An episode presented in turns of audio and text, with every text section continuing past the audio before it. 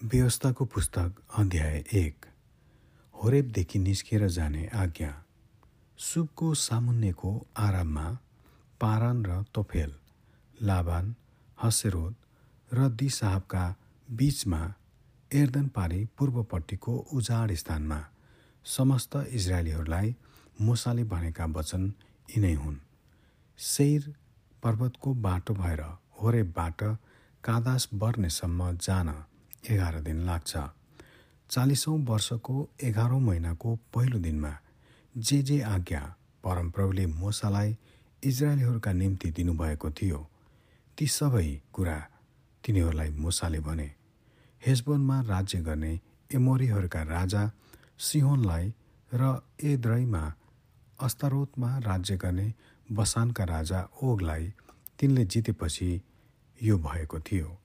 एर्दन पारी पूर्वपट्टि मुआब देशमा मुसाले यसो भनेर यस व्यवस्थाको विवरण गर्न लागे। होरेबमा परमप्रभु हाम्रा परमेश्वरले हामीलाई यसो भन्नुभयो तिमीहरू यस पर्वतमा बसेका धेरै दिन भइसक्यो। अब तिमीहरूले शिविर तोडेर आफ्नो यात्रा सुरु गर।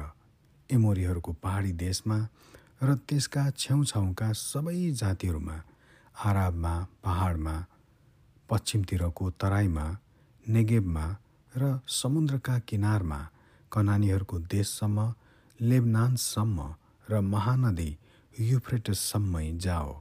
हेर यो देश मैले तिमीहरूलाई दिएको छु। त्यहाँ प्रवेश गरेर त्यो देश अधिकार गर। जुन देश परमप्रभुले तिमीहरूका पुर्खा अब्राहम इसाक र याकुबसँग तिमी तिनीहरू र तिनीहरूका भावी सन्तानलाई म दिन्छु भने प्रतिज्ञा गर्नुभएको थियो। नायकहरूको नियुक्त। त्यस बेला मैले तिमीहरूलाई भने म एक्लै तिमीहरूको भार उठाउन सक्दिनँ। परमप्रभु तिमीहरूका परमेश्वरले तिमीहरूलाई वृद्धि गर्नुभएको छ र आज तिमीहरू आकाशका तारा झैँ असङ्ख्य भएका छौ।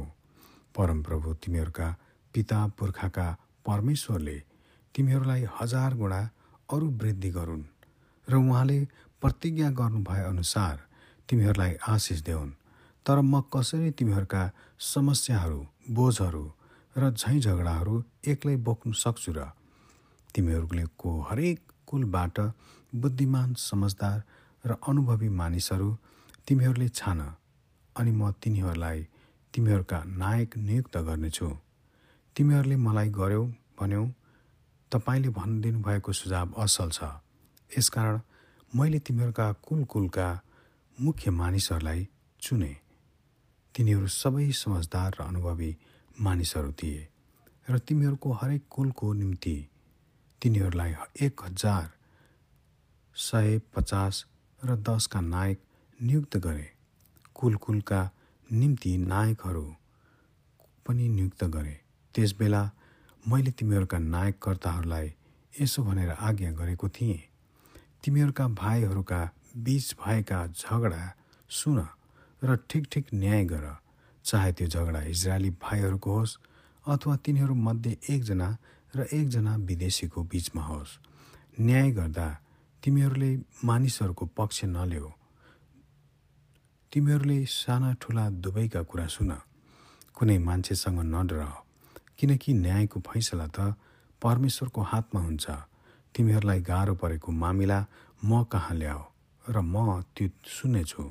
त्यसबेला तिमीहरूले गर्नुपर्ने सबै कुरा मैले तिमीहरूलाई आज्ञा गरेँ।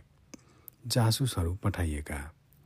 त्यसपछि हामीहरू हारेबबाट हिँडेर परमप्रभु हाम्रा परमेश्वरको आज्ञा बमोजिम त्यो तिमीहरूले देखेको विशाल र महाभयङ्कर जाड स्थानबाट भएर एमोरीहरू बस्ने पहाडी देशतिर लाग्यौँ। त्यसपछि हामी कादेश बर्नेमा आइपुग्यौँ अनि मैले तिमीहरूलाई भने परमप्रभु हाम्रा परमेश्वरले हामीलाई दिनुहुने एमोरीहरूको पहाड देशमा तिमीहरू आइपुगेका छौ। हेर परमप्रभु तिमीहरूका परमेश्वरले त्यो देश तिमीहरूलाई सुम्पिदिनु भएको छ। परमप्रभु तिमीहरूका पिता पुर्खाका परमेश्वरले भन्नुभए झैँ गएर त्यो देश अधिकार गर। तिमीहरू नडराओ निराश नहो। अनि तिमीहरू सबैले म कहाँ आएर भन्यौ भेद लिनलाई हाम्रा अघि मानिसहरू पठाउँ त्यस देशमा हामी कुन बाटो जानुपर्ने हो र कुन कुन सहरमा आइपुग्नेछौँ भन्ने खबर तिनीहरूले हामी कहाँ ल्याउनेछन्? यो कुरा मलाई बेस लाग्यो अनि मैले हरेक कुलबाट एक एकजना गरी बाह्रजना मानिस छाने। तिनीहरू पहाडतर्फ लागे र स्कुलको बेसीमा पुगेर त्यसको पुरा भ्रमण गरे। तिनीहरूले त्यस देशका कतिपय फलफुल खाए अनि हामीलाई परमप्रभु हाम्रा परमेश्वरले दिनुहुने त्यो देश उत्तम रहेछ भन्ने खबर तिनीहरूले दिए। इजरायलीहरूले परमप्रभुको विरोध गरेका। तर तिमीहरू त्यहाँ जान मानेनौ। परमप्रभु तिमीहरूका परमेश्वरको आज्ञाको विरुद्धमा तिमीहरू गयौ।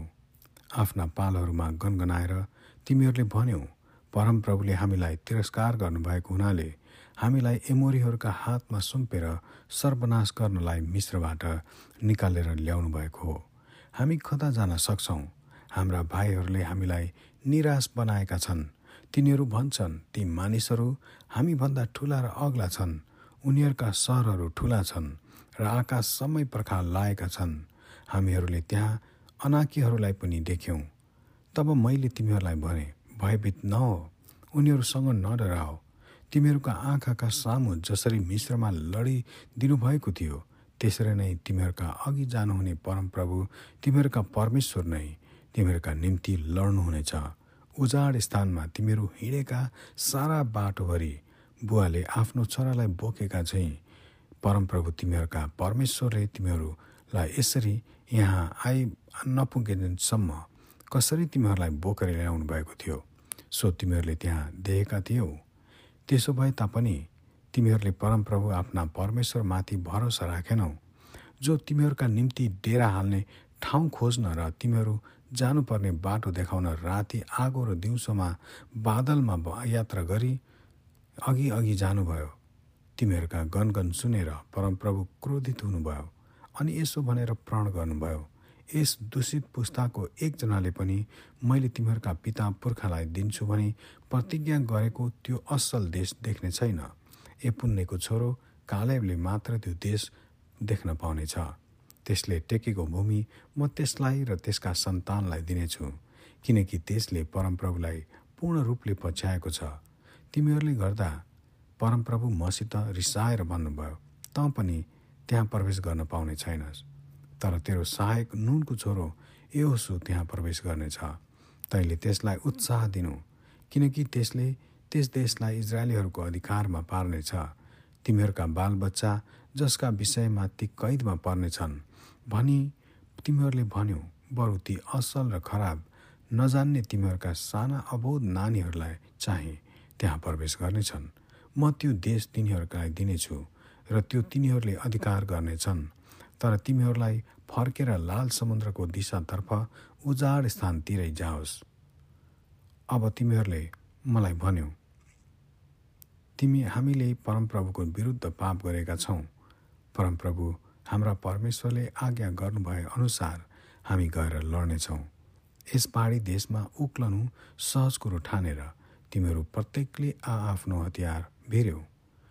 तर परमप्रभुले मलाई भन्नुभयो तिनीहरूलाई भन उक्लेर नजाऊ र लडाइँ नगर नत्र त तिमीहरू आफ्ना शत्रुहरूका सामु हार खानेछौ किनकि म तिमीहरूका बिचमा हुने छैन। यो कुरो मैले तिमीहरूलाई भने तर तिमीहरूले सुन्दै सुनेनौ। तिमीहरू परमप्रभुको आज्ञाको विरुद्धमा गयौ र ढिट भएर पहाडी देशमा उक्ल्यौ अनि पहाडमा बस्ने एमोरीहरूले तिमीहरूका मुकाबिला गरे र मौरीको हुलले हामीलाई मानिसलाई खेदे झैँ तिमीहरूलाई खेदे र शैरदेखि हार्मोसम्म उनीहरूले तिमीहरूलाई परास्त गरे अनि तिमीहरू फर्केर आए परमप्रभुको सामुन्य रोयौ तर उहाँले तिमीहरूको रोदन सुन्नु भएन ध्यान पनि दिनु भएन। यसकारण तिमीहरूले त्यहाँ कादेशमा धेरै दिन बिताउनु पर्यो। आमेन।